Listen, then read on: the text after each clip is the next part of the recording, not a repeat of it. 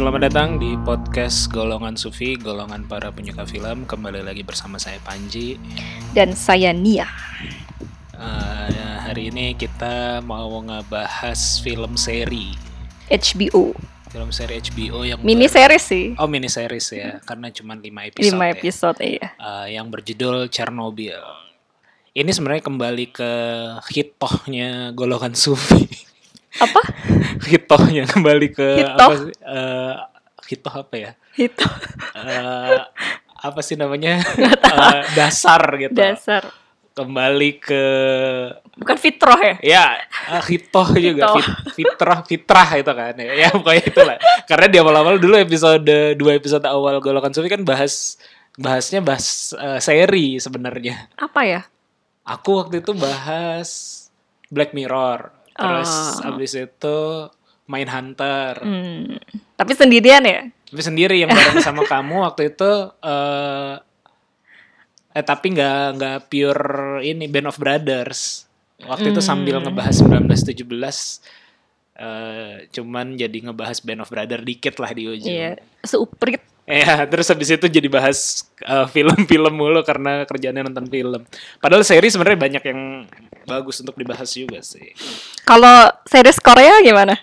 Boleh-boleh aja kalau cukup bagus. Eh, ini kemarin temenku baru ngerekomendasiin Itaewon, Itaewon Class atau apa gitu. Itaewon Class. Oh ya, pernah denger sih judulnya tapi nggak tahu itu apa. Katanya eh, ini, eh, tapi ada orang bulenya juga yang main di situ. Netflix seri serial Hmm. Oh. Netflix Korea.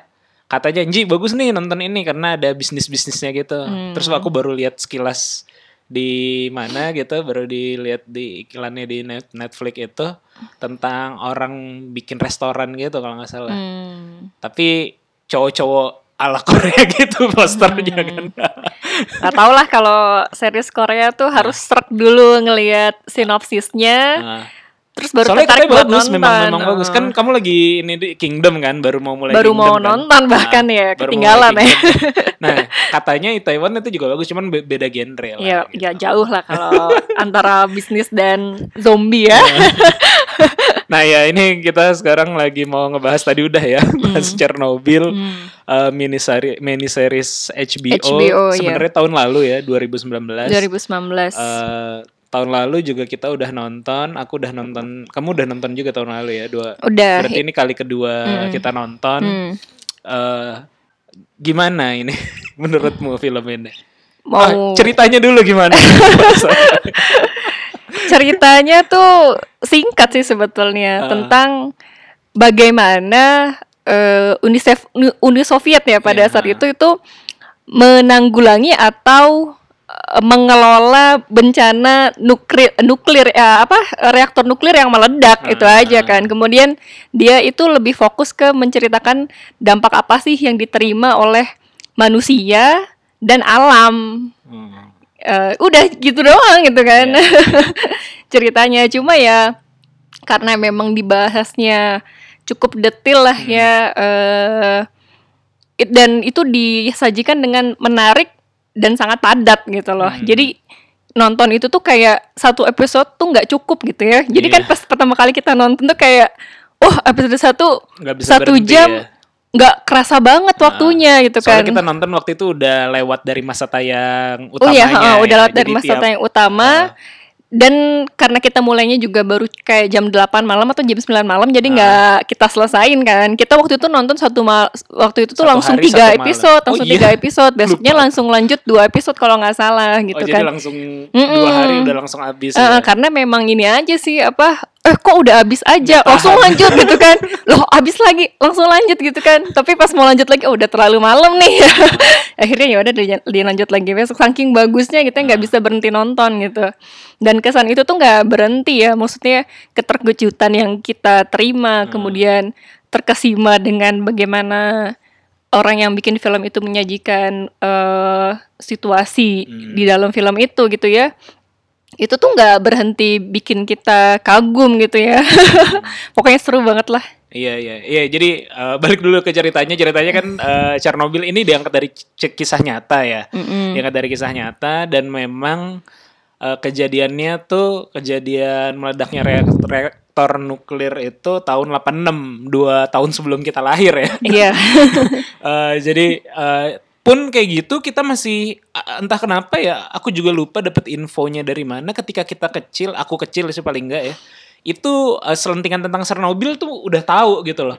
Kamu kamu kayak gitu juga nggak ketika lagi aku lupa sih pertama kali tahu kapan tentang Chernobyl tapi kayak udah tahu aja gitu loh. Pernah disinggung aja sih. mungkin aku lupa Cuma- sih Eh, apa ya? Nggak ngulik-ngulik banget. Iya nggak ngulik-ngulik banget, tapi kayak udah tahu oh iya pernah ada kejadian Heeh. eh, nuklir meledak Chernobyl. Heeh, Aku lupa pertama kali dapat info itu dari mana Iya tapi lupa. kayak Cuma kayak kerasa jauh banget. Padahal kan deket ya dengan kita ya. Iya, Cuma iya, nggak iya. tahu rasanya kayak itu adalah kejadian yang sangat masa lampau. lampau gitu ya. Padahal nggak juga. Iya nggak tahu pertama kali dengernya dari mana. Jadi kayak eh, kalau bagi aku ketika pertama kali nonton Chernobyl ini jadi kayak urban legend yang terungkap gitu loh. Karena Hmm. dulu kayak udah pernah denger selentingan-selentingan bahkan juga kan eh, karena eh, aku pengen sebenarnya secara pribadi pengen jalan-jalan ke Rusia. Salah satu eh pengennya sih salah satu destinasi tuh pengen ke situ. ke situ kalau udah memungkinkan makanya sering ngeliat eh, waktu apa waktu zaman-zaman dulu lah gitu ya. Hmm. Eh, ser- sering ngeliat oh Chernobyl udah bisa nih dibuka untuk wisata kayak gitu-gitu waktu itu waktu itu eh, ketika setelah setelah kuliah lah kayak gitu. Cuman info tentang Chernobyl udah tahu dari dulu. Makanya ketika film ini muncul Pengen banget nonton ya. pengen banget nonton gitu, pengen banget nonton dan memang benar disajikannya sih menurutku eh, apik banget lah ya penulisannya apik. nggak tahu ah, itu eh oh enggak aku aku baca tadi itu sebenarnya ada sebagian diang, diambil dari eh eh, tulisan tulisan biografi gitu loh. Jadi ada historian eh, yang dapat Nobel aku lupa namanya siapa S- dia salah satunya nulis tentang Chernobyl Hmm. Eh, judulnya Voice of Chernobyl gitu atau Oh, iya, Prayer, iya, iya, iya. Prayer of Chernobyl gitu ya Kayaknya itu kumpulan cerita-cerita orang kan. kumpulan cerita-cerita orang yang kisah- dibikin yang disatuin dalam satu buku Uh, uh, kan. dan bahkan dia dapat Nobel gara-gara hmm. gara-gara menulis itu gitu Hmm. penulis Rusia juga kalau nggak salah kayak gitu Hmm. sih penulis Rusia juga jadinya eh, apa namanya ada ada kisah nyata yang diambil di situ. Tapi di luar di luar dari itu eh, si film historical ini cukup ya tadi sih menyajikan cerita yang apik lah gitu dikemasnya dengan cara apik kayak gitu. Yang bagus apa menurut kamu dari film ini? Ya, semuanya ya. Apa ya saking bagusnya tuh kayak sem- semua yang difilmkan itu tuh ada ada tujuannya gitu loh. Ada fungsinya dia tuh muncul bukan cuma sekedar filler ya. Jadi kayak ya nggak tahu ya semuanya tuh bagus itu. Tapi kalau misalnya harus milih momen momen-momen favorit mah Nah. ada gitu ya. Tapi ya mas secara keseluruhan bagus banget gitu. Iya. Menurut aku pertama sih yang bagus dari film ini eh kalau secara definitif itu adalah eh yang paling kuat ya ceritanya sih pertama ya. Pertama ceritanya dan cara menyajikan ceritanya. Ceritanya sendiri sebenarnya mungkin karena sudut pandangnya ya. Eh kalau aku lihat eh, sudut pandangnya kan sudut pandang si siapa Legasov itu nama depannya lupa lagi. Eh, Siapa namanya ya? ya re- researcher itu lah ya Legasov Valeri itu kan. Legasov. Eh, Valeri Valveri ya Valeri apa Valeri. Valeri ya Valeri Legasov itu kan Valeri Legasov itu menurutku itu eh, sudut pan- pengambilan sudut pandang dia sebagai pencerita eh, atau point of view itu jadi bikin bagus sih. Karena dikesankan di situ dia jadi kayak heroiknya eh, yang melawan sistem eh, dan memperjuangkan kemanusiaan kayak gitu kan. Sisi-sisi sisi-sisi heroiknya muncul dari situ gitu. Eh, dan juga ya nggak tahu apakah ini benar aku belum riset sedalam itu sih apakah ini benar memang eh, ada rekaman dia kan kalau di Ada. awal kalau di awal film kan dia diceritain eh, oh ya filmnya nih dimulai dengan dua tahun kemudian ya kalau nggak salah eh, 88 Mm-mm. dan si Valery Legasov itu gantung diri langsung gitu Dia diambil- dia sebelumnya ngerekam dulu. iya eh, Jadi gantung- memang rekaman itu tuh ada tentang dia nyeritain itu dia itu bener betul ada memornya Ah, gitu. oh, iya. Dan emang dia bunuh diri kan pada saat itu dan untuk scene pembuka itu betul-betul banget sih iya membuat kita be- bener-bener apa ya engage ya akhirnya ya untuk tetap nonton terus dan terus gitu. Ah. Eh, dan sebetulnya si Valery Legasov ini juga dia apa ya? eh, Oke lah dia heroik ya, tapi sampai akhirnya sampai akhir cerita itu bener ini apa nggak nggak semua scene dia heroik kan? Karena Iya, ada iya. pada saat-saat dia harus mengatakan yang sebenarnya, Kebohongan, ya. akhirnya dia bohong kayak gitu kan. Hmm.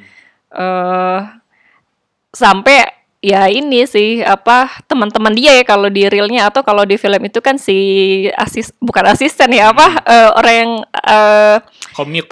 ya si Ulana Komyuk itu Ah. yang selalu ngingetin si Legasov untuk ada tanggung jawab moral. akademisnya Hmm. gitu Akade- eh, tanggung jawab moral tanggung jawab akademisnya itu dua paket yang tidak boleh dilupakan sama si Legasov ini kan Iya, iya. dalam rangka eh, untuk mengatakan yang sebetul sebenarnya karena kalau di film ini digambarkan kayak Uni Soviet itu kayak nggak mau mengakui kesalahan dia sampai eh, s- sampai sebelum kesalahan itu terekspos baru mau mengakui gitu Ba- dan baru mau mengambil tindakan atas kesalahan yang ada kan kayak Hmm. gitu.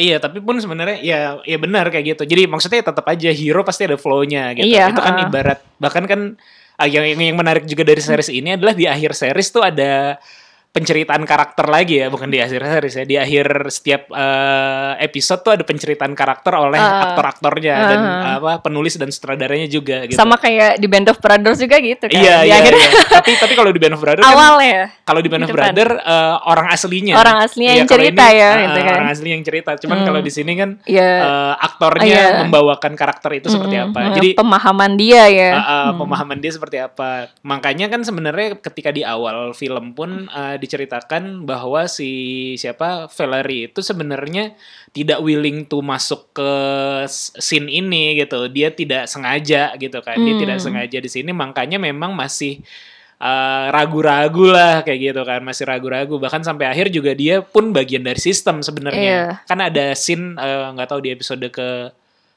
episode terakhir ya di episode terakhir ketika dia habis revealing the truth gitu kan atau mencoba mengancam state-nya mencoba mengancam uh, USSR Rusia eh apa Soviet gitu ya. Hmm. Eh, dia langsung ditegur sama pimpinan KGB kan. Hmm. lo tuh part of us gitu. Lo tuh sebelum jadi eh, apa namanya kepala lab ini eh, kamu adalah eh, kamu eh, kemahsiswaannya eh, Iya, di ngikut partai kemahsiswaan itu, partai sosialis Hmm, terus hmm. juga kamu adalah kepala partai wilayah mana kayak gitu-gitu Hmm, kan jadi hmm, memang eh, di satu sisi dia ada dilema seperti itu sih. Hmm. ada dilema eh, dilema dia sebenarnya bagian dari sistem yang korup juga atau sistem yang kurang bagus juga Hmm. tapi juga dia punya nilai-nilai luhur akademisi Hmm. dan sebenarnya itu wajar dan membuat membuat yang menarik sudut pandang itu dibanding dengan sudut pandang yang eh, Komyuk miliki gitu Hmm. hanya satu ya linear aja dia Hmm. mau idealis idealis potong nggak nggak berani ngomong juga gitu loh Hmm. maksudnya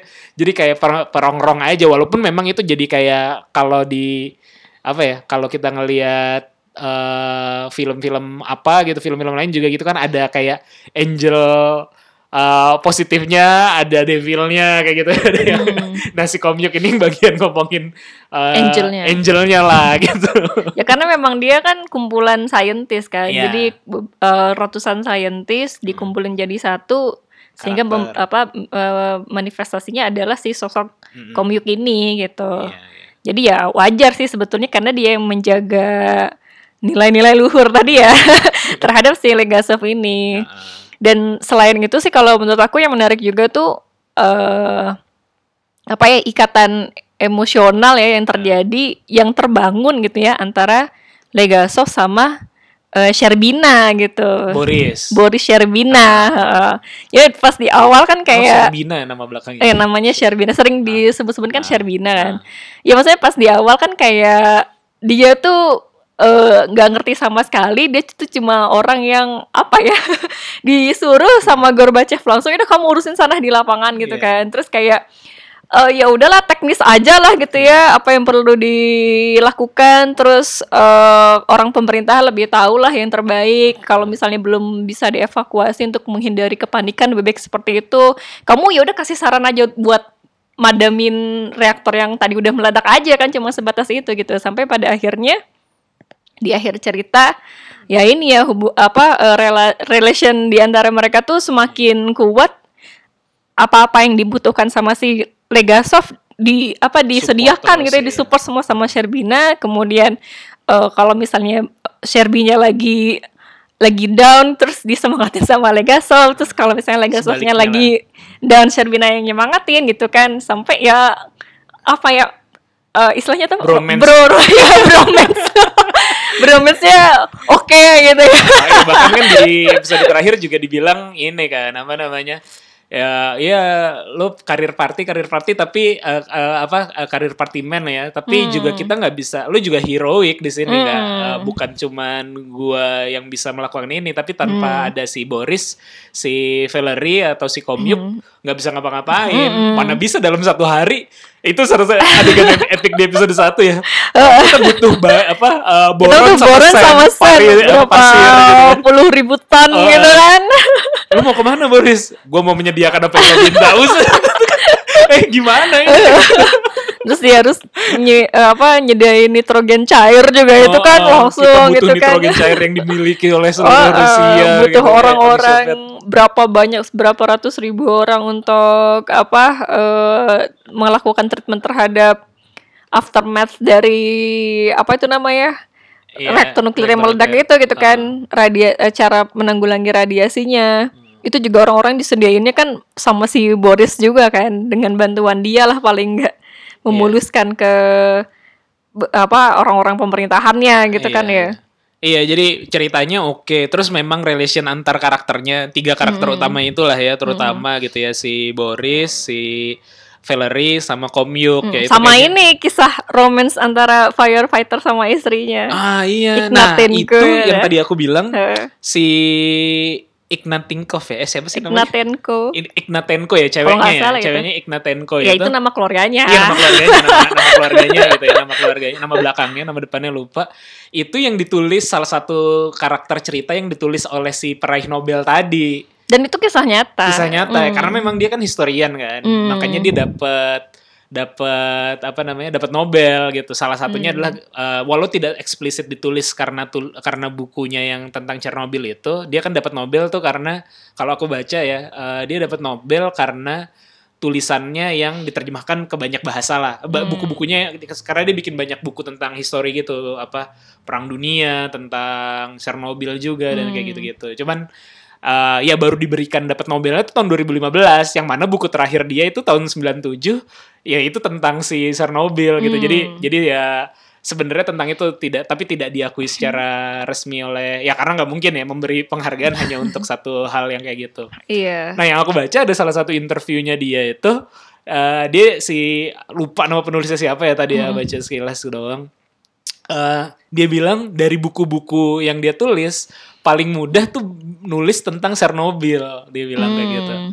karena informasinya banyak atau apa Bukan karena biasanya ketika karena dia orang Rusia juga ya, jadi dia Oh. sering mengambil ada misalnya perang dunia dari sisi pandang Rusia kayak gitu-gitu. hmm. Nah, yang Chernobyl ini kenapa paling mudah? Karena eh, bel- si apa interviewer atau sumber yang dia sumber-sumber orang-orang yang dia interview itu eh tidak punya belum punya belum dapat propaganda harus ngomong apa terkait dengan Chernobyl. oh Eh, eh, jadi jadi gitu. Jadi kalau yang tentang perang dunia dia harus memformaliskan lagi atau menginterview lebih dalam lagi. Tapi Hmm, ketika dia uh, interview korban-korban Chernobyl itu dia langsung nulis apa adanya Hmm. yang dia diterima aja karena tidak ada apa ya tidak ada campaign uh, dari pemerintah uh, atau media yang dimiliki oleh Uni Soviet pada saat itu untuk campaign uh, tentang kejadian ini belum belum sempat gitu. Itu kan kejadian 86 lalu kan uh, Rusia eh Rusia Uni Soviet udah tumbang tahun 91 kan. Jadinya uh, hanya dalam rentang waktu beberapa tahun. Sedangkan kalau dari perang dunia tuh udah ada medianya udah ada cerita-cerita tentang TV-nya tapi jadi uh, jadi benar-benar uh, genuine gitu. Jadi paling mudah dia bilang malah yang dapat Nobel gitu ibaratnya kayak gitu. Hmm, hmm. termasuk ceritanya si uh, itu Hmm, gitu. Nggak pakai Ah. Ignatenko aja. Ignatenkov jangan nama-nama nama orang. Soalnya kan Rusia banyak kan pakai Vivi gitu kan. Iya rata. Ya, termasuk sih eh, bahkan kalau yang aku baca itu tulisan aslinya itu itu udah bagus banget gitu. Jadi memang bahkan dibilang si Ignatinko itu tuh experience gitu loh. Hmm. Cara dia berbicara, cara dia menulis tuh bagus. Nah, sayangnya kalau kalau ngomongin minusnya sedikit ya di film ini, sudut pandang itu tidak terlalu diangkat gitu. Jadi kalau kekurangan film ini kalau yang aku lihat adalah eh, s- walaupun tadi eh, sudut pandang positif oke lah dari akademisi dan segala macam, cuman minim dari korban. Cerita-cerita dari korban itu hanya digambarkan dengan narasi yang diungkapkan oleh eh, hero-hero tadi gitu. Misalnya kisah kisahnya si Ignatinko itu eh, oke di awal diceritakan tapi eh, konklusi akhirnya bahwa bayinya mati dan dia dia dia kayak gitu hanya diceritakan oleh si Komyuk kayak gitu sih yang aku aku lihat ya dari sisi minusnya. Kalau menurut aku sih nggak bisa juga kayak gitu kan. Soalnya kan dalam series tuh apalagi ini kan banyak banget peristiwa yang terjadi kan dan banyak elemen yang terlibat dari setiap lapisan orang yang berperan gitu ya eh, di bencana ini. Jadi emang dia harus memilih satu tokoh utama dan juga menceritakan beberapa tokoh lainnya seperlunya aja gitu loh. Jadi kalau misalnya semuanya mau diceritakan dari kacamata setiap karakternya, akan panjang banget filmnya gitu. Jadi kayaknya emang dia eh, seperlunya aja. Dan emang tujuan dari film ini dibuat adalah ya ngambil salah satu sudut pandang si Legasov ini untuk menceritakan apa yang terjadi pada Chernobyl gitu doang gitu kan. Dan eh, apa saja usaha untuk menanggulangi bencana Chernobyl itu. Lebih kayak gitu aja sih sebetulnya. Eh kalau menurut aku ya, kalau kekurangan menurut aku apa ya kira-kira ya? Iya iya. Su- Aku memahami itu ya. Jadi contohnya kan yang baik adalah yang waktu itu kita obrolin juga tadi ya. Uh, Band of Brother karena dari beragam sudut pandang kayak gitu kan. Terus juga uh, menurutku mungkin kalau ngomongin film disaster ataupun ya ini termasuk mungkin kategorinya film disaster gitu ya. Uh, uh, tapi juga uh, tapi fiktif sih. Yaitu Contagion. Contagion tuh cukup bagus karena dia eh, dari beragam sudut pandang gitu. Ada sudut pandang si korban, ada sudut pandang si scientist, ada sudut pandang dari government yang ininya. Jadi dalam suatu scene-scene yang berbeda bahkan tidak menyatu di ujungnya pun eh, tapi diceritakan dengan kayak kayak gitu. Jadi maksudku eh eh, kritikan ya mungkin ya Eh, sudut pandang yang diambil itu bagus, cara penceritaannya bagus, cuma kurang un- dari sudut pandang orang yang tertindasnya Hmm. gitu sih. korbannya eh, minim gitu. Korbannya ya kalaupun mungkin tadi ya eh, kalau memang eh, ada kasetnya si dan memang ada ya ada kasetnya si rekaman si siapa namanya Valerie ini mungkin eh, acuan utama pembuatan film ini dari sudut pandang itu gitu mungkin ya kayak gitu sih. Bagus lagi apa lagi menurutmu?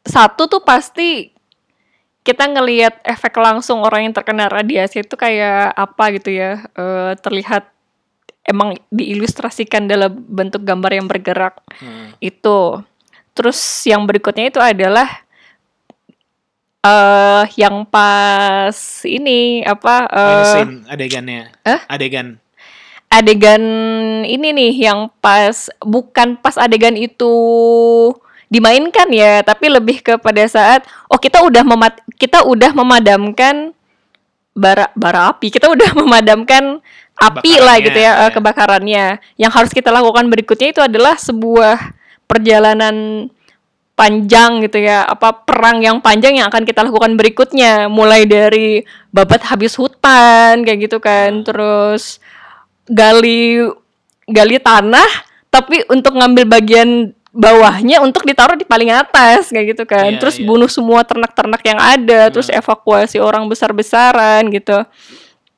Itu sih yang terus juga bagaimana si film ini juga ada beberapa sedikit sih scene-nya sebetulnya tapi ini juga membekas tuh kayak eh, dia menyajikan kontras antara bagaimana Uni Soviet pada saat itu eh, memberlakukan kebijakan terhadap rakyatnya dengan negara lain gitu ya. Pada saat negara lain udah mulai Hmm, bisa ngedeteksi iya, oh ada radiasi nih. Kayaknya sih dari bahan bakar nuklir di Iya, Chernobyl gitu kan.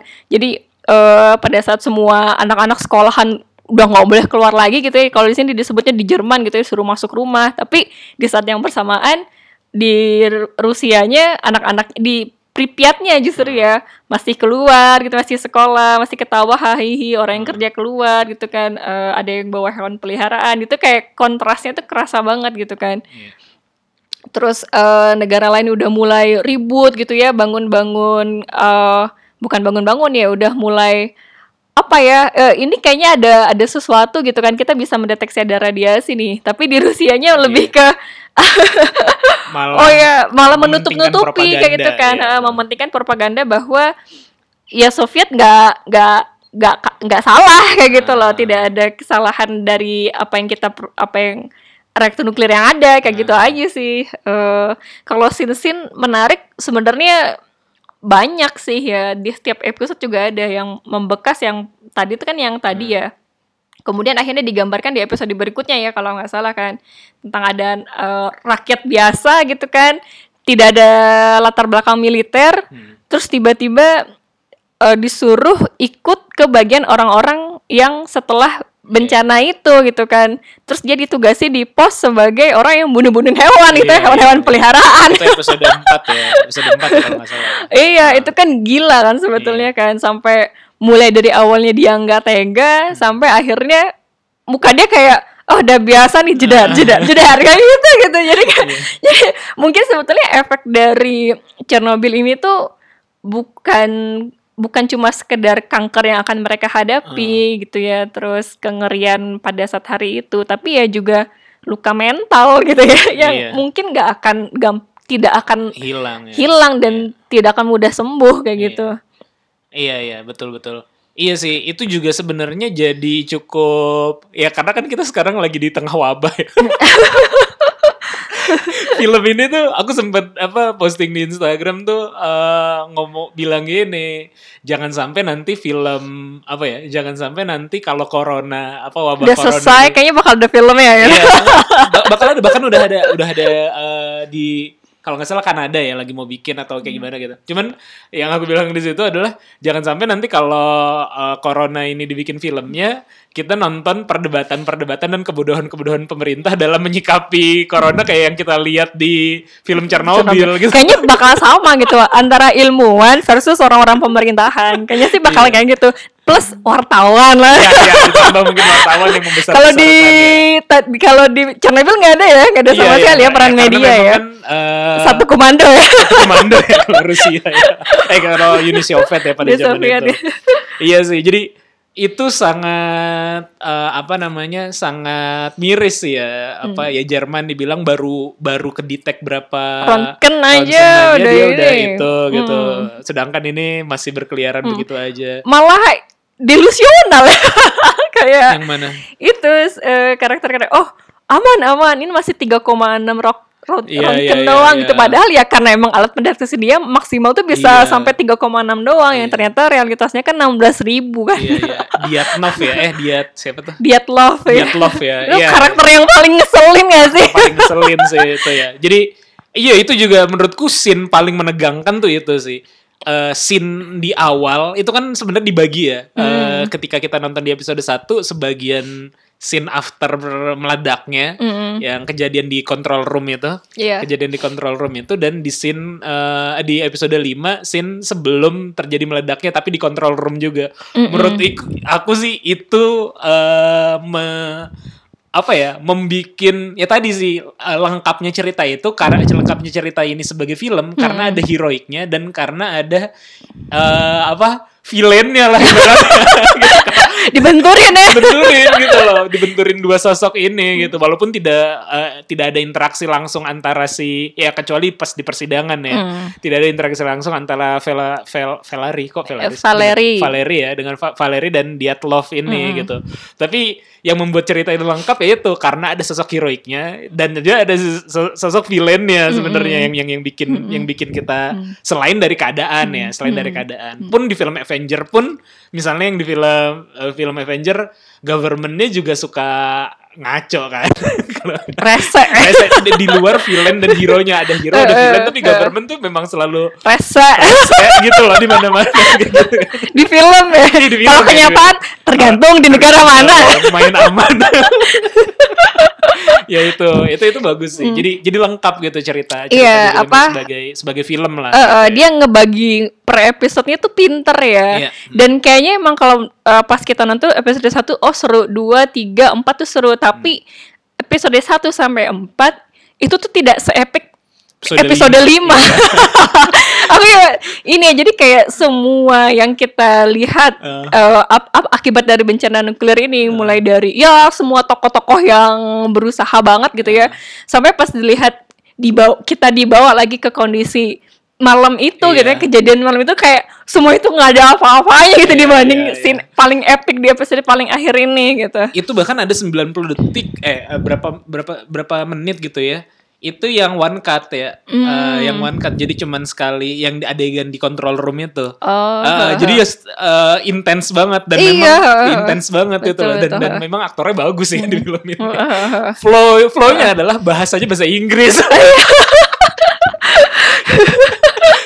Eh, Inggris eh, Inggris plek lah maksudnya ada harusnya dikit-dikit bukan lah. maksudnya aksennya tuh British Oh iya iya iya iya iya iya. iya. yang, yang yang kalau membuat eh, eh, ini di Rusia Rusia dikit kayak gitu tapi tapi nggak tahu malah jadi jelek malah oh jadi malah kita jadi ya. bisa nikmatin juga Iya sih. sih. Jadi maksudnya nggak terlalu nggak usah terlalu sering lihat subtitle Iya, nggak iya, masalah gitu ya.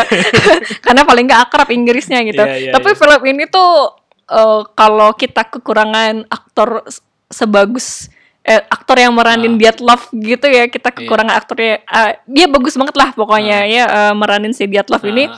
mungkin akan kurang greget ya kalau Iya. kalau aktor lain yang meranin tapi tidak segreget si Dyatlov ini karena pas dia sampai dia apa eh, nam bukan nampar ya nampik mukul map yang dikasih sama si Akimov Iya. minta tanda tangan persetujuan itu aja sampai uh gitu. banget lah ya iya gitu kan J- dan Oh, eh pinter banget lah suasana itu langsung jadi hening gitu kan Ah. tegang kita bisa ngerasain di posisi operator yang ini ya Iya, eh, yang- yang dia nggak bisa mau nggak ngapa-ngapain mau lagi gitu kan iya. nggak mau Hmm. oh, atasan udah bilang kayak gini Hmm. ancamannya udah begini walaupun dia udah diancam bakal berhenti dia kan Iya. tetap apa akal sehatnya main gitu Iya, ya iya. tapi si Dyatlov ini kayak nggak mau dengerin apa sebodoh amat itu tapi mungkin sebetulnya dalam hatinya dia ini ya punya keraguan lah punya keraguan tapi kayak dituntut untuk selalu terlihat galak entah ya Iya. atau selalu benar sama tuntutan atasannya untuk menyelesaikan Hmm. eh, percobaan pada malam itu gitu Iya. kan yang ternyata justru akibat pengunduran waktu percobaan itulah akhirnya yang membuat Iya, salah Chernobyl satunya, ya. salah satunya membuat si Chernobyl ini bisa meledak gitu Iya, kan. Iya iya iya dan dan iya sih uh, scene scene epic itu sih justru malah scene scene yang dipegang oleh Dyatlov sih. iya Uh, ada dan dan gengnya ya 30 3,6 Ronson itu Eh, eh. Eh, walaupun ya si scene-nya si Valerie juga keren-keren lah pas lagi di persidangan itu juga Heeh. itu juga intens banget sih ketika dia menjelaskan dengan properti apa adanya gitu Iya. ya. Aku nggak tahu apakah itu beneran begitu nggak ya zaman itu ya. Mungkin kali ya tahu jadi ya? jadi bagus banget dia menjelaskan eh, yang itu loh yang ketika ini udah nggak ada eh, tidak ada penyimbangannya antara- ini hilang ini eh, hilang ini eh, hilang ini eh, hilang lalu meledak kayak gitu. Itu bahkan dengan eh, dia tidak ada intonasi gitu eh, tidak ada apa ya, tidak ada penekanan tertentu hanya kayak menjelaskan presentasi biasa. Kayak ke mahasiswa gitu ya. Betul. Eh, itu jadi bagus. Dan Hmm. menurutku yang membuat film ini bagus termasuk di adegan itu adalah yang kita sublime tidak sadar adalah musiknya ya.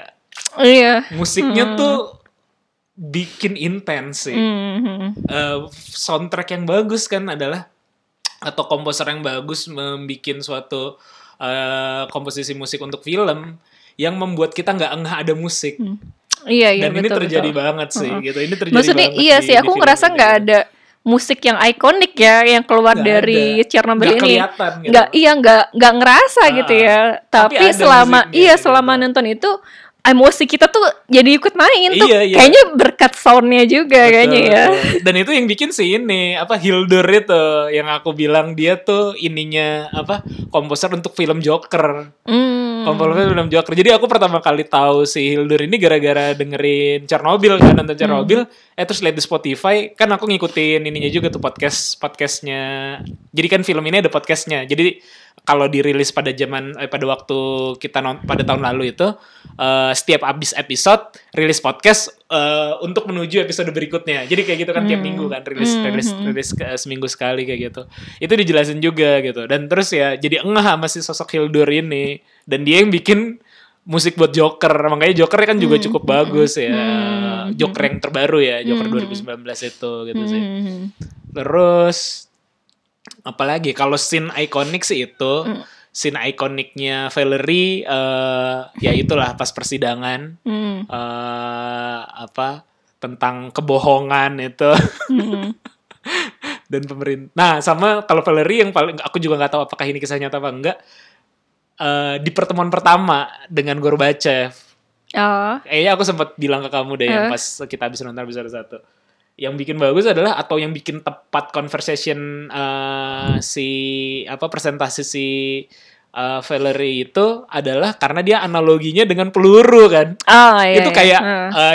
eh, sebagian besar yang hadir di situ adalah orang militer, militer, langsung gitu kan. paham lah gitu langsung ya. paham ini lo satu atom di situ setara dengan seribu peluru dan dalam satu apa eh, satu gram satu gram apa namanya satu gram eh, apa nuklir itu eh, terdapat sejuta atau berapa lah gitu. Dan itu sama dengan sekian juta peluru. itu itu analogi yang paling bagus sih kayak gitu sih. Sama buat komparasi ini ya kalau yang eh, aku juga baru baca komparasinya apa namanya ledakannya si Chernobyl ini kalau dibandingkan sama eh yang epic kan eh, kalau per, pa- apa eh, meledaknya bom atom atau nuklir itu di Hiroshima dan Nagasaki ya. Di Hiroshima dan Nagasaki itu itu tuh dua ton nuklir. Sedangkan yang di Chernobyl tuh 7 ton. Jadi yang yang walaupun tidak ada ledakannya se-epic itu karena tidak tidak terjadi reaksi langsung tapi efeknya tuh segitu. Ber- berapa kali lipat tuh? Tiga kali lipat lebih dari Hiroshima Nagasaki gitu sih. Jadi bagus banget lah ini film ya, recommended lah. Iya dan ini juga sih apa setiap jen, bu- jenis setiap orang-orang yang terlibat tuh ada mo- mo- momen heroiknya masing-masing gitu ya. Mulai dari penambang ya. Nah ini itu juga unik ya penambang ini ya gitu. Dan dan dikasih karakter gitu loh para penambangnya ini. Dan diwakili sama si chiefnya kan. Tok- oh ya Pemimpinnya. eh, apa ketua timnya lah ya ketua penambang ini gitu. Mulai dari ya udahlah langsung ke intinya aja gitu kan. Eh, kalau misalnya kenapa aku disuruh pakai masker? Aku nggak bisa nafas gitu kan. Kalau kamu aja nggak pakai masker kenapa aku harus pakai masker? Berarti emang nggak perlu gitu kan. Sampai apa ya mereka tuh kayak udah nggak peduli mau dibayar berapa Hmm. udah nggak peduli apa yang mereka bakal dapetin gitu ya eh, dari hasil radia radiasi yang akan mereka terima. Tapi ya jelas setelah dikasih tahu reason kenapa mereka harus Iya. ikut ke Pripyat kemudian menambang eh, berapa belas meter di bawah permukaan tanah gitu kan. Cuma dikasih ininya aja. Ya alasannya kemanusiaan kayak gitu ya. Eh, kalau misalnya sampai reaktor nuklir itu eh apa jadi lava kemudian merembes kemudian akhirnya kena groundwater yang akan terinfeksi yang akan kena Iya, radiasinya akan lebih air banyak lah, lagi iya. gitu kan ya ya udah hanya untuk alasan itu doang dan itu memang apa momen heroik kerasa banget gitu Hmm, iya, eh, iya. Apalagi di akhir di akhir episode tersebut dijelaskan oleh Valerie kan eh, apa yang kita lakukan juga itu main di probability gitu. Eh, Belum tentu juga akan lebur itu la- eh, jadi lava. eh, eh. Belum tentu juga akan eh, terutama eh, ter- terkait dengan penambang eh, apa yang mereka lakukan meter apa enggak belum Hmm, tentu. hmm. Terus belum tentu juga si penyelam diver iya itu itu Eh, jadi jadi kayak kayak mereka mengorbankan sekian banyak orang untuk sesuatu yang belum pasti. sih. ya karena memang itu nggak pernah terjadi iya iya iya iya. itu iya kan terjadi gitu, jadi ya itu memang wajar sih semuanya itu kayak eksperimen aja Iya, kan iya. yang mana pada akhirnya si para miners itu melaku, melakukan penambangan ya emang nggak perlu karena Ya, pada akhirnya tahu, iya. ya udah Iya, ya iya, udah iya. ter- udah apa ke sini ke sini akhirnya kita tahu bahwa oh tidak terjadi gitu tidak terjadi peleburan sehingga tidak terjadi lava yang dapat menembus ke tanah gitu kan. ya jadi mereka terekspos radiasi nuklir yang sebetulnya nggak perlu kayak gitu kan. Tapi ya untuk alasan jaga-jaga ya gimana gitu ya. Iya, ya itu sih. Tapi menurutku, eh, nah, eh, tapi itu juga bisa disikapi. Ya pada dasarnya ini film sih. Pada Hmm. dasarnya ini film yang memang eh, walaupun historical film, beberapa eh, karakternya dia didramatisasi sebenarnya. Iya, hmm. S- apa karakter-karakternya didramatisasi karena yang aku pahami atau yang aku baca juga itu terkait dengan sosialisme ataupun pada zaman itu ya pada zaman si Uni Soviet itu memimpin eh, pertanyaan-pertanyaan terkait dengan apalagi yang diucapkan oleh Valerie di film ini gitu ya di film seri ini atau juga yang ditanyakan oleh penambang ataupun yang diungkapkan oleh eh siapa namanya sosok fiktif si Komyuk itu sebenarnya nggak mungkin terjadi ya di zaman-zaman atau bahkan sosok antagonis kayak si siapa tadi? Dyatlov. Dyatlov itu itu tidak serta merta akan terjadi di zaman Uni Soviet ya. Dalam konteks negatif sebenarnya bukan bukan dalam konteks positif ya aku aku mau bilang kayak gitu ya. karena memang sistemnya udah begitu gitu loh. Jadi tidak ada tuh pertanyaan misalnya eh, atau eh, adegan yang paling eh, eh bukan adegan paling eh, epic juga ya atau ya konfrontasi yang dilakukan oleh si si siapa namanya si eh, Valerie ketika dia bilang kan eh, di salah satu scene apa gue terlalu lama di lab ya jadi nggak ngerti eh, keadaan udah kayak gini gitu. Atau yang diungkapkan sama si siapa namanya? Eh si cewek itu eh komyuk itu kan ketika dia nanya "Eh, lu sebelum jadi apa lu sebelum jadi pemimpin partai lu adalah pegawai buruh sepatu gitu kan. Itu, itu hal-hal kayak gitu tuh tidak mungkin tidak mungkin terjadi sih eh, pada zaman itu. Karena memang semua udah sistem ya karena kan si Rusia eh si Uni Soviet pada pada zaman itu memang sudah berdaya dengan sistemnya mereka kan. Eh, dengan sis- eh, dengan sistem sosialis komunisnya mereka gitu dengan sistem satu partai. Jadinya tidak jadi kayak udah hal yang wajar aja. Negara minta sesuatu lo jalankan. Kayak gitu sih bukan bukan lo bertanya negara akan ini lo apa. Jadi memang udah udah secara natural eh, udah kayak gitu gitu makanya kan ada scene ini juga ikonik scene-nya Mm. scene ketika di awal eh, adegan itu setelah meledak lalu ada rapat Oh, rapat iya, di bawah iya. itu lalu ada sosok eh, bapak-bapak tua ya kakek-kakek kayak gitu Hmm. yang mengatakan ini tuh eh, tanahnya Lenin kayak gitu gitu kan yang pendiri pendiri Uni Soviet dan segala macamnya. Yang men- menyuarakan eh, lu percaya aja sama negara. Sebenarnya itu itu adalah eh, apa ya scene di awal yang cukup bagus menjalankan apa menjelaskan eh, pola sistem yang terjadi pada zaman itu gitu. Tapi tetap aja ini film dibuat sama Amerika, Iya, iya. bukan sama orang Rusia. Iya, Jadi mungkin mungkin aja gitu ya eh, penggambaran sistem Uni Soviet pada saat itu tuh nggak semurni-murninya betul gitu loh. iya iya, mungkin betul. itu juga ada pandang jadi pandangan orang Amerika terhadap sistem yang terjadi pad- di Uni Soviet pada saat itu kan gitu ya. Jadi ya nggak bisa kita jadiin acuan, cuma ya kita nikmati aja untuk Iya. bikin ketegangan ya Iya, iya. selama nonton ya itu Iya, aja sih ya. maksudku mengu- mengemuka- mengemukakan itu sebenarnya dalam konteks Iya sih. eh, ya ini Heeh. pada dasarnya film gitu Ah, makanya dibikin ah. heroik kayak gitu Ah, dibikin heroik ah, dan sosok Heeh. eh, ada sosok heroik ada sosok villainnya Mhm. yang mana sebenarnya kan kalau kita lihat eh, oke dari sisi apa heroik tadi aku bilang tidak mungkin tuh keluar Hmm. pertanyaan-pertanyaan kayak gitu atau bahkan sefrontal itu si siapa namanya si Valerie Hmm. mempertanyakan ya tadi ya kata-kata kayak gitu tuh udah nggak mungkin keluar Mhm. di sisi negatifnya atau di sisi villainnya juga tidak mungkin maksudnya Hmm. tidak hanya dia Mhm. misalnya orang lain pun yang menjalankan eh, kalau di di Orang film- lain di posisi dia mungkin akan melakukan hal yang, sama, aja ya kalau di situ kan hanya ya. sesimpel hanya sesimpel lagi ngi, lagi ngincer apa sih naik pangkat Naik ya pangkat, ya, naik pangkat atau penghargaan Heeh, gitu tapi kan harus menyelesaikan percobaan itu, itu, gitu. malam itu pada malam itu juga karena mau Nah, dilaporin gitu kan. Heeh. Pada kenyataannya sebenarnya tidak tidak apa ya ada beberapa analisa yang mengatakan ya sebenarnya itu sistemik sih jadi Hmm. ketika misalnya pun orang lain bukan si Diatlov situ tapi itu udah memang apa ya dari atas ke bawah dari Hmm. kanan ke kiri semua tuh Hmm. begitu jadi Mungkin iya sih, kalaupun dia shutdown itu reaktornya ya, ya mungkin dia yang akan dicopot dari posisi itu untuk iya iya, kan mungkin jadi bisa What jadi if ya? seperti itu kan iya what if aja. kalau kalau aku inget uh, respon pertamamu ketika nonton film ini pas sudah habis ya. Kan Hmm. di habis tuh ada dikasih foto-foto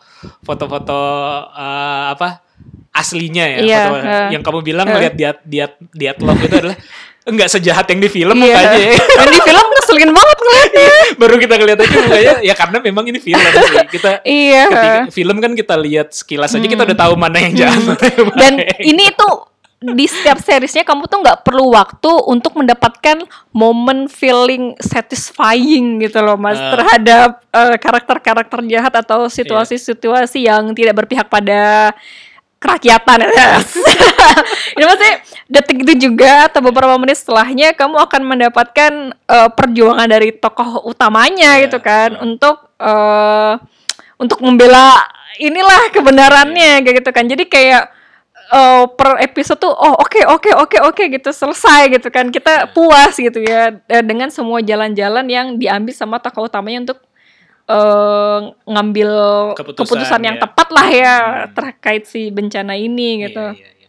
Iya sih, eh iya betul banget itu. Dan dari kalau balik lagi terkait dengan eh, ya mungkin kalau dilihat flow-nya apa atau cacatnya film ini ya tadi sih menurutku ya ini eh, pada dasarnya film kayak gitu ya. Jadi Hmm. eh, kita bisa melihat proses penggambaran eh, pemadaman atau apa ya eh, apa ya pe apa sih istilahnya menghilangkan dampak dari Chernobyl ini ya itu udah pure udah udah jelas lah di di di film ini tapi ya tadi ada beberapa hal yang kurang tepat juga sih berdasarkan eh, sejarahnya atau berdasarkan eh, eh, mungkin lebih bukan ke sejarah kayak atau ke penggambaran situasi pemerintahannya lah pada saat Hmm. itu sih kalau kalau aku lihat Eh, karena sistemnya sistem ya sistem begitu gitu. Hmm, hmm, hmm. Tapi pada saat itu aku lihat ya, kalaupun misalnya bukan berarti mau mengagungkan atau membenarkan apa yang dilakukan oleh Uni Soviet dan sistemnya,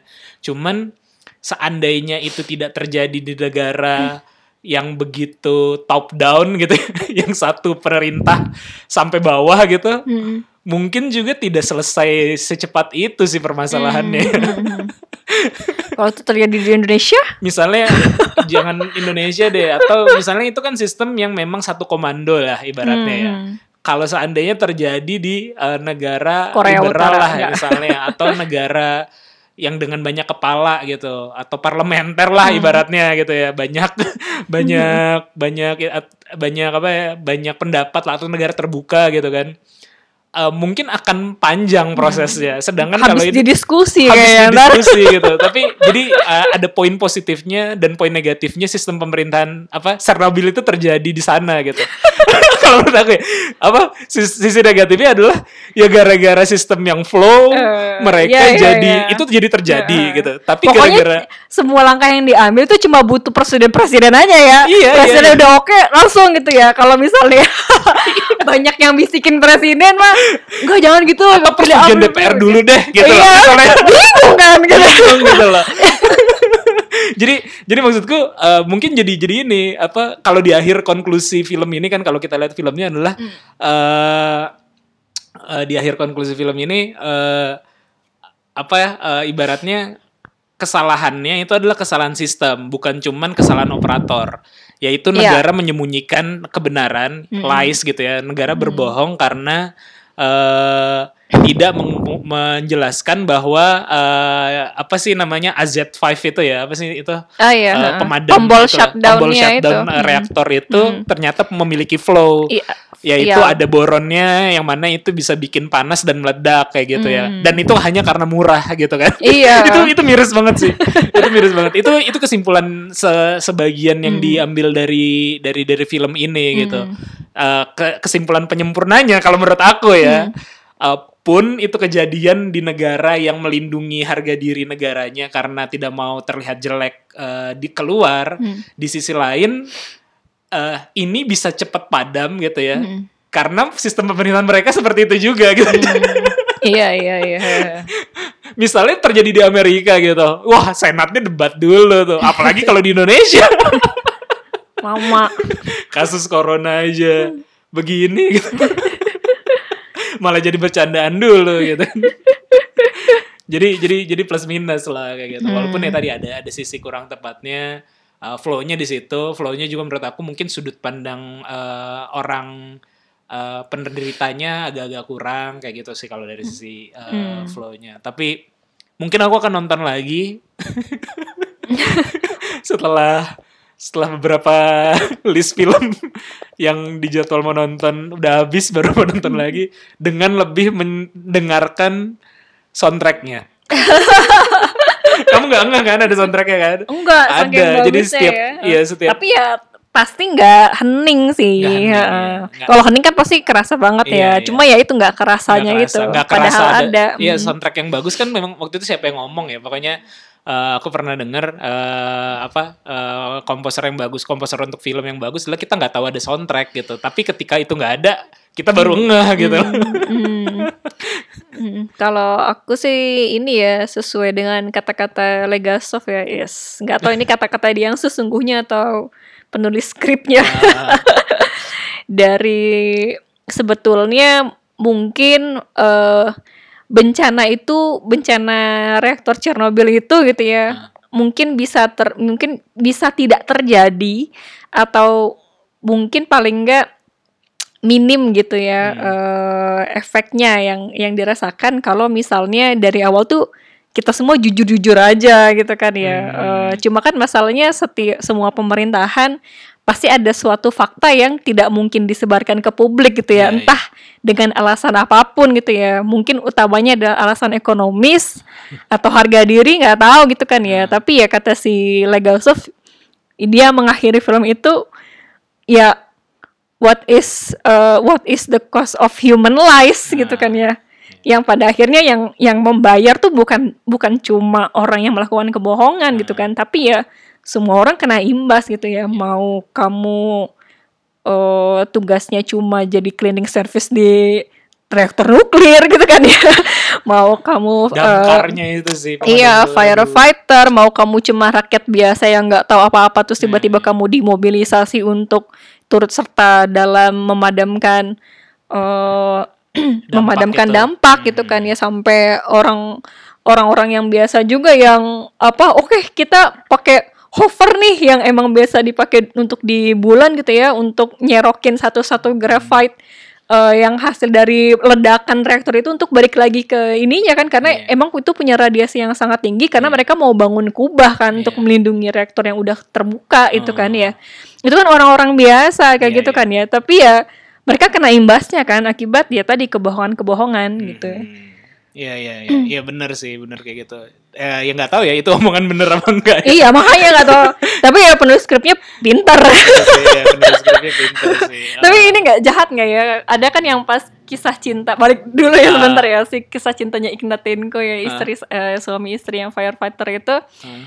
kan si istrinya dibilangin terus Oh, gitu ya oh. apa apa tentang dia hamil. Oh, oh, Ah. tentang dia hamil terus apa kamu oke boleh nungguin suami kamu tapi jangan masuk masuk ya. Kamu harus berdiri di balik plastik gitu kan dibilang kayak gitu. tapi dia malah masuk terus megang-megang lah terus cium-cium lah gitu kan ya. Sampai akhirnya ya yang kena imbasnya bukan dia tapi malah anaknya gitu kan ya jadi walaupun eh, aku belum tahu ya di awalnya bahwa nanti akhirnya dia akan melahirkan dan ternyata anaknya cuma hidup cuma beberapa jam Iya, gitu kan ya? empat berapa. jam atau ya berapa Atau gitu kan ya? lupa. sebelum itu ad- sebelum dapat informasi itu aku udah pengen nih cewek dibilangin nggak mau nurut gitu kan ya?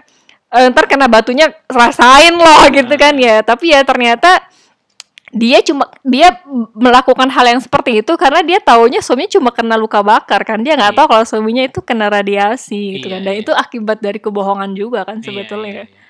Iya sih, iya makanya ya benar juga ya yang, yang yang diucapkan situ apakah itu benar atau bohong gitu, apakah, apakah itu asli ucapannya Valerie atau bukan. Heeh. Tapi memang ya poinnya itu sih, poinnya memang eh, tapi kalau mau melihat dari sisi lebih globalnya beban yang dibawa oleh Uni Soviet terhadap idealisme yang dia perjuangkan itu berat banget sih. Iya. Karena kan Hmm. ibaratnya dia satu-satunya negara pada zaman itu superpower tandingan Amerika dan Hmm. menerapkan sistem yang berbeda gitu loh. Hmm. Jadinya dia punya apa ya? Ya beban harga Hmm, diri, hmm. beban Iya sih. yang diperjuangkan gitu Hmm. sih. Dia, Eh, dia harus nunjukin ke dunia ke dunia bahwa sistem dia tidak salah gitu kan. Bahkan Iya. kita bisa sehebat negara lain gitu Betul, ya. bahkan ya second superpower kan Mm, gitu mm, komparasi apa Mm. bisa head to head gitu. Hmm. Makanya pada apa ya eh, se apa ya waktu itu aku pernah diskusi sama Mas Budi sih ini konteksnya jadi beda ya.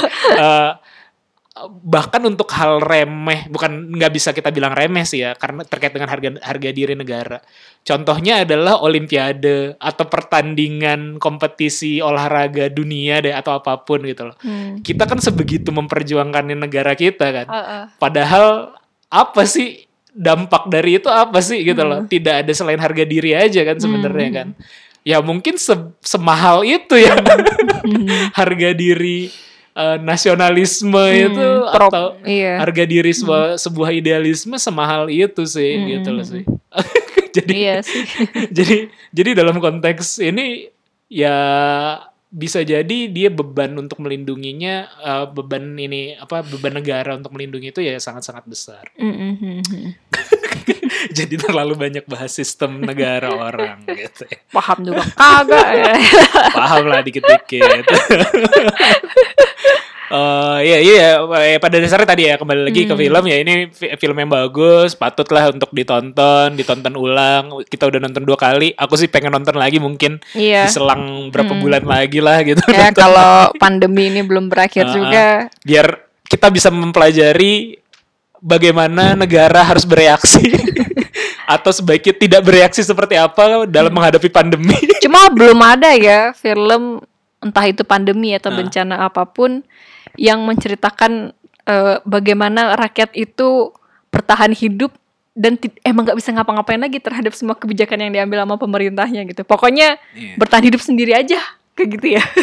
Iya makanya Bukan- menurutku menurutku yang kurang sih di film ini ini gitu loh. Bener- Sudut pandang orang tertindasnya gitu.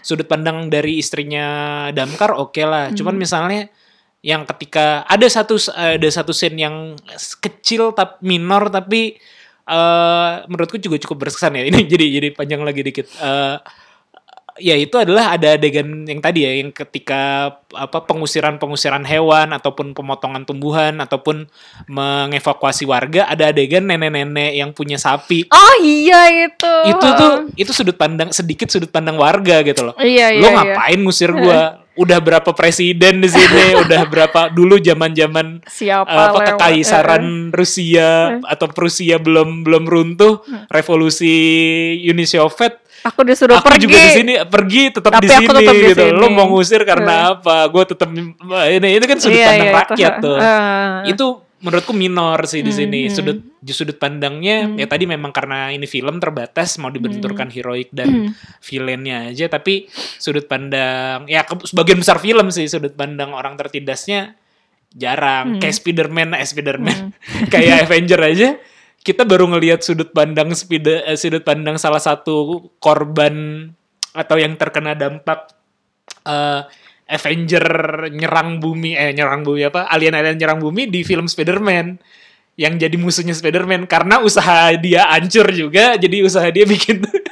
Itu kalau itu mah bapaknya pacarnya Spider-Man itu loh. Iya, cuma kalau menurutku itu mah bikin film sendiri aja Iya, iya, khusus iya, gitu. Kalau misalnya kita udah punya apa eh, sentral tokohnya Iya, gitu kan iya, ya, iya, ya pasti akan ngambil sih. dari sudut pandang dia, nggak mungkin dari Ah. sudut pandang yang lain paling nyenggol-nyenggol doang. Iya. Kalau misalnya bener-bener mau dari sudut pandang orang yang tertindas, ya harus bikin film khusus dari sudut pandang dia dan dia Iya. jadi tokoh utama gitu. Iya, jadi dan, ya wajar dan maksudku sih. ya dan dan benar juga sebagai secara film ya tidak mungkin juga orang yang tidak penting atau ya bisa di secara kasar ya bilang orang yang tidak penting dikasih role kan tidak tidak terlalu ini juga maksudnya dalam kondisi global apa permasalahan global atau permasalahan yang parah kayak gitu gitu loh jadi Hmm.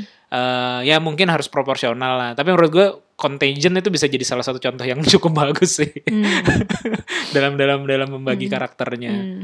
Eh, ya itu balik lagi ini eh, keren banget sih menurut aku sembilan setengah lah kalau Iya. skala sepuluh di film Ini head to head lah sama Band of Brothers karena Iya, sama-sama historical kan. Oh, iya, sama-sama Eh, historical. seriesnya, ha. historical drama Sama-sama HBO juga gak sih? Ya HBO, HBO juga, Ah, ya, iya HBO kan? juga. Jadi dua drama historical terbaik HBO tuh yang pernah kita tonton ya Band of Brothers sama Chernobyl, ini Hmm. Chernobyl. gitu ya. menurutku lebih bagus Chernobyl sih kalau ya. Hmm.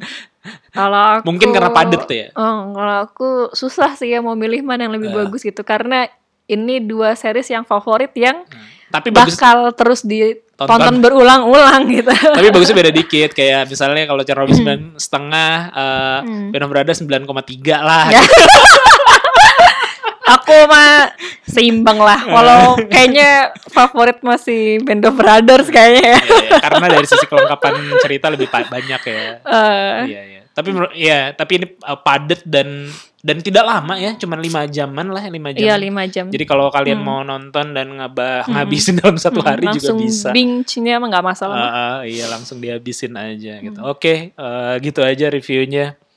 Eh, semoga ada manfaatnya dan eh, semoga kalian eh, senang nontonnya. Sampai ketemu lagi di episode atau review film selanjutnya. Bye.